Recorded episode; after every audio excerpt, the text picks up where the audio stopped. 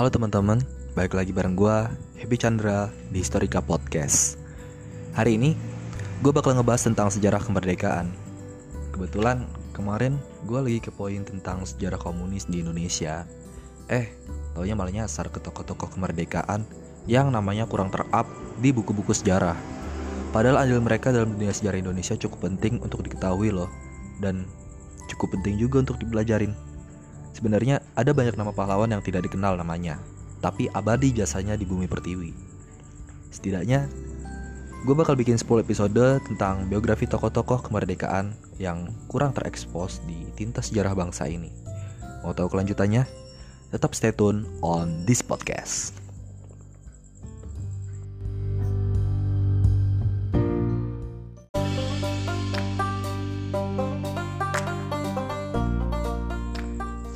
Pada zaman kemerdekaan dulu, nggak ada yang namanya gadget, WhatsApp, Instagram, Facebook, apalagi HP. Jangankan HP dah.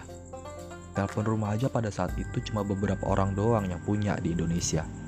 Lalu, ada seseorang yang berprofesi sebagai wartawan pada saat itu memiliki semangat dan rasa bahagia yang menggebu-gebu mendengar berita kemerdekaan Indonesia yang ditandai dengan pembacaan teks proklamasi di Jalan Pegangsaan Timur nomor 56 Jakarta Pusat. Beliau ini sangat penting dan berpengaruh pada mental seluruh bangsa Indonesia yang menyebarkan berita ini ke seluruh penjuru tanah air. Ya, gelar pejuang memang identik dengan mereka yang berada di garis depan peperangan.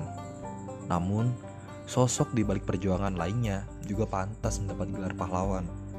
Mungkin namanya memang tak sepopuler Pangeran Diponegoro atau Jenderal Sudirman, namun sejatinya, hingga akhir hayatnya, ia terus berjuang dengan pemikiran-pemikirannya yang bermanfaat untuk negara. Ia adalah Burhanuddin Muhammadiyah, atau lebih dikenal dengan BM Diah.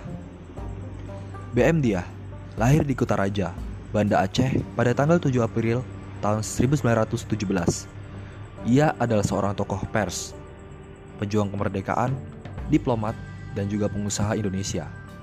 Nama aslinya adalah Burhanuddin, Ayahnya bernama Muhammad Diah yang berasal dari Barus, Sumatera Utara. Ayahnya adalah seorang pegawai pabean di Aceh Barat yang kemudian men menjadi penerjemah. Burhanuddin lah yang menambahkan nama ayahnya di belakang namanya sendiri. Ibunya bernama Siti Saidah, seorang wanita Aceh yang menjadi ibu rumah tangga.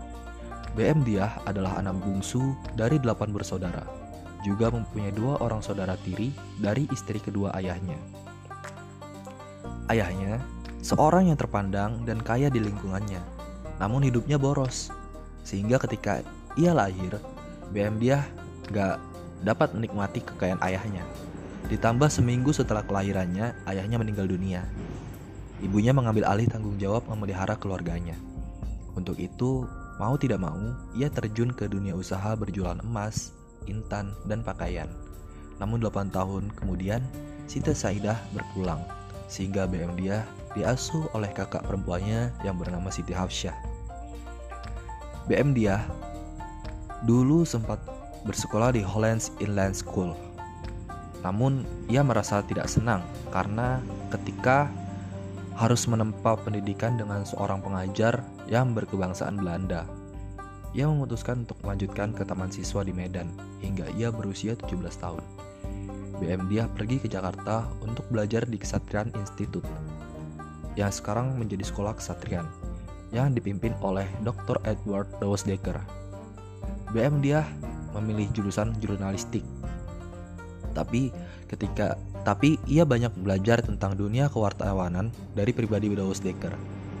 BM dia sebenarnya gak mampu bayar biaya sekolah. Namun melihat tekadnya untuk belajar, Dawes Decker mengizinkannya terus belajar dan bahkan memberikan kesempatan kepadanya menjadi sekretaris di sekolah itu. Setelah tamat belajar, BM dia kembali ke Medan dan menjadi redaktur harian surat kabar lokal bernama Sinar Deli. Ia tidak lama bekerja di sana, karena satu setengah tahun kemudian ia kembali ke Jakarta dan bekerja di harian Sinpo sebagai tenaga honorer. Tak lama kemudian, ia pindah lagi ke surat kabar Warta Harian. Namun tujuh bulan kemudian, surat kabar itu dibubarkan karena dianggap membahayakan keamanan. BM Dia kemudian mendirikan usahanya sendiri, Bulanan Percaturan Dunia. Setelah tentara Jepang datang dan menjajah Indonesia, BM Dia bekerja di Radio Hosokyoku sebagai penyiar siaran bahasa Inggris. Di saat yang sama, ia juga bekerja di Asia Raya, yaitu surat kabar bentukan Belanda di zaman Jepang, sebagai pembantu editor. Namun, hal itu diketahui pihak Jepang. Kesal dengan kenyataan itu, Jepang pun menjebloskan BM Diah di ke penjara selama empat hari. Hikmah yang bisa dipetik oleh BM Diah adalah ia bertemu dengan Herawati selama bekerja dengan Jepang, seorang penyair lulusan jurnalistik dan sosiologi di Amerika Serikat yang kemudian menjadi pendamping hidupnya. Pada tanggal 18 Agustus 1942, mereka akhirnya menikah Resepsi pernikahan tersebut juga dihadiri oleh Bung Karno dan Bung Hatta. Penyebaran berita proklamasi tersebut berawal dari pesan Dr. Andes Muhammad Hatta kepada BM Biah, yang saat itu turut hadir dalam perumusan teks proklamasi. Pada tanggal 17 Agustus 1945, teks proklamasi telah selesai dirumuskan. Para pekerja radio pun terus menyiarkan tentang berita kemerdekaan. Namun, Jepang berusaha untuk meralat berita itu. Hingga akhirnya kantor berita tersebut disegel. Upaya Jepang ternyata tidak menyurutkan dia dan rekan-rekannya untuk terus menyebarkan berita proklamasi dengan mencetak pamflet dan juga surat kabar seluas-luasnya, bahkan sampai ke pelosok Indonesia. Pada akhir September 1945, dia bersama rekannya seperti Yusuf Ishak dan Rosian Anwar mengangkat senjata dan berusaha merebut percetakan Jepang yang bernama Jawa Shimbun yang menerbitkan harian Asia Raya. Meskipun Jepang telah menyerah kalah, teman-teman dia ragu. Mengingat Jepang masih memegang senjata. Namun kenyataannya malah sebaliknya. Tentara Jepang yang menjaga percetakan tidak melawan sama sekali, bahkan menyerah. Percetakan pun jatuh ke tangan dia dan rekan-rekannya. Pada tanggal 1 Oktober 1945, dia mendirikan Harian Merdeka dia menjadi pemimpin redaksi, Yusuf Ishak menjadi wakilnya, dan Rosihan Anwar menjadi redaktur. Dia memimpin surat kabar ini hingga akhir hayatnya. Meskipun belakangan ia lebih banyak menangani PT Masa Merdeka, yaitu penerbit Harian Merdeka. Ketika baru berdiri, dia yang menjadi seorang pemimpin redaksi, Ishak yang menjadi wakil pemimpin redaksi, dan Rosihan yang menjadi redaktur. Belakangan Yusuf Ishak, seorang Soekarnois, terpaksa diberhentikan atas desakan pemerintah Orba. Sementara Rosihan mendirikan surat kabarnya sendiri yang bernama Harian Pedoman. Pada April 1945, bersama istrinya Herawati, dia mendirikan surat kabar berbahasa Inggris yang bernama Indonesian Observer. Ia dinilai sebagai penulis editorial yang baik seorang pro Soekarno dan menentang militerisme. Ia pernah bertolak belakang dengan pihak militer setelah peristiwa 17 Oktober, sehingga ia terpaksa berpindah-pindah tempat untuk menghindari kejaran petugas militer. Ketika pemerintah Orde Baru memutuskan untuk mengubah sebutan Tionghoa menjadi Cina dan Republik Rakyat Tiongkok menjadi Republik Rakyat Cina, Harian Merdeka bersama Harian Indonesia Raya dikenal sebagai satu-satunya pers yang gigih tetap mempertahankan istilah Tionghoa dan Tiongkok. Setelah Indonesia merdeka, pada 1959, BM Dia diangkat menjadi duta besar untuk Cekoslovakia dan Hongaria. Dari sana, kemudian ia dipindahkan ke Inggris, lalu ke Thailand. Semuanya untuk jabatan yang sama. Pada tahun 1968, ia diangkat oleh Presiden Soeharto menjadi Menteri Penerangan. Belakangan, dia diangkat menjadi anggota DPR dan kemudian anggota DPA. Pada usia tuanya, dia mendirikan sebuah hotel di Jakarta yang bernama Hyatt Arya Duta di tempat yang dulunya merupakan rumah orang tua Herawati.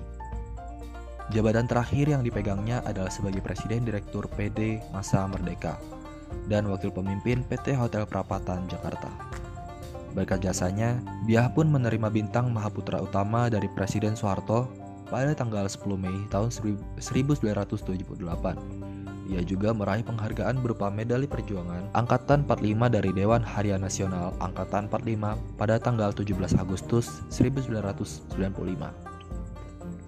Namun, pada tanggal 10 Juni 1996, dia mengembuskan napas terakhir akibat penyakit stroke.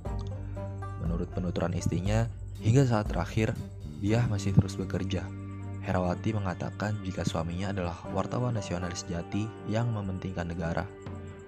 Meski tak banyak mengangkat senjata dan berada di jalur depan pertempuran melawan penjajah, namun jasa-jasa yang diberikan BM dia kepada negara memang tidak main-main.